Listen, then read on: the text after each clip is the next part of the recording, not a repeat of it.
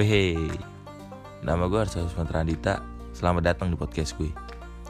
Di podcast gue ini bakal ada dua tema. Yang pertama, berbahasa. Yang kedua, bercerita. Di berbahasa, gue bakal bacain puisi-puisi karya gue. Yang lo bebas buat ngertiin nih. Karena sudut pandang orang kan beda-beda. Dan di bercerita, gue bakal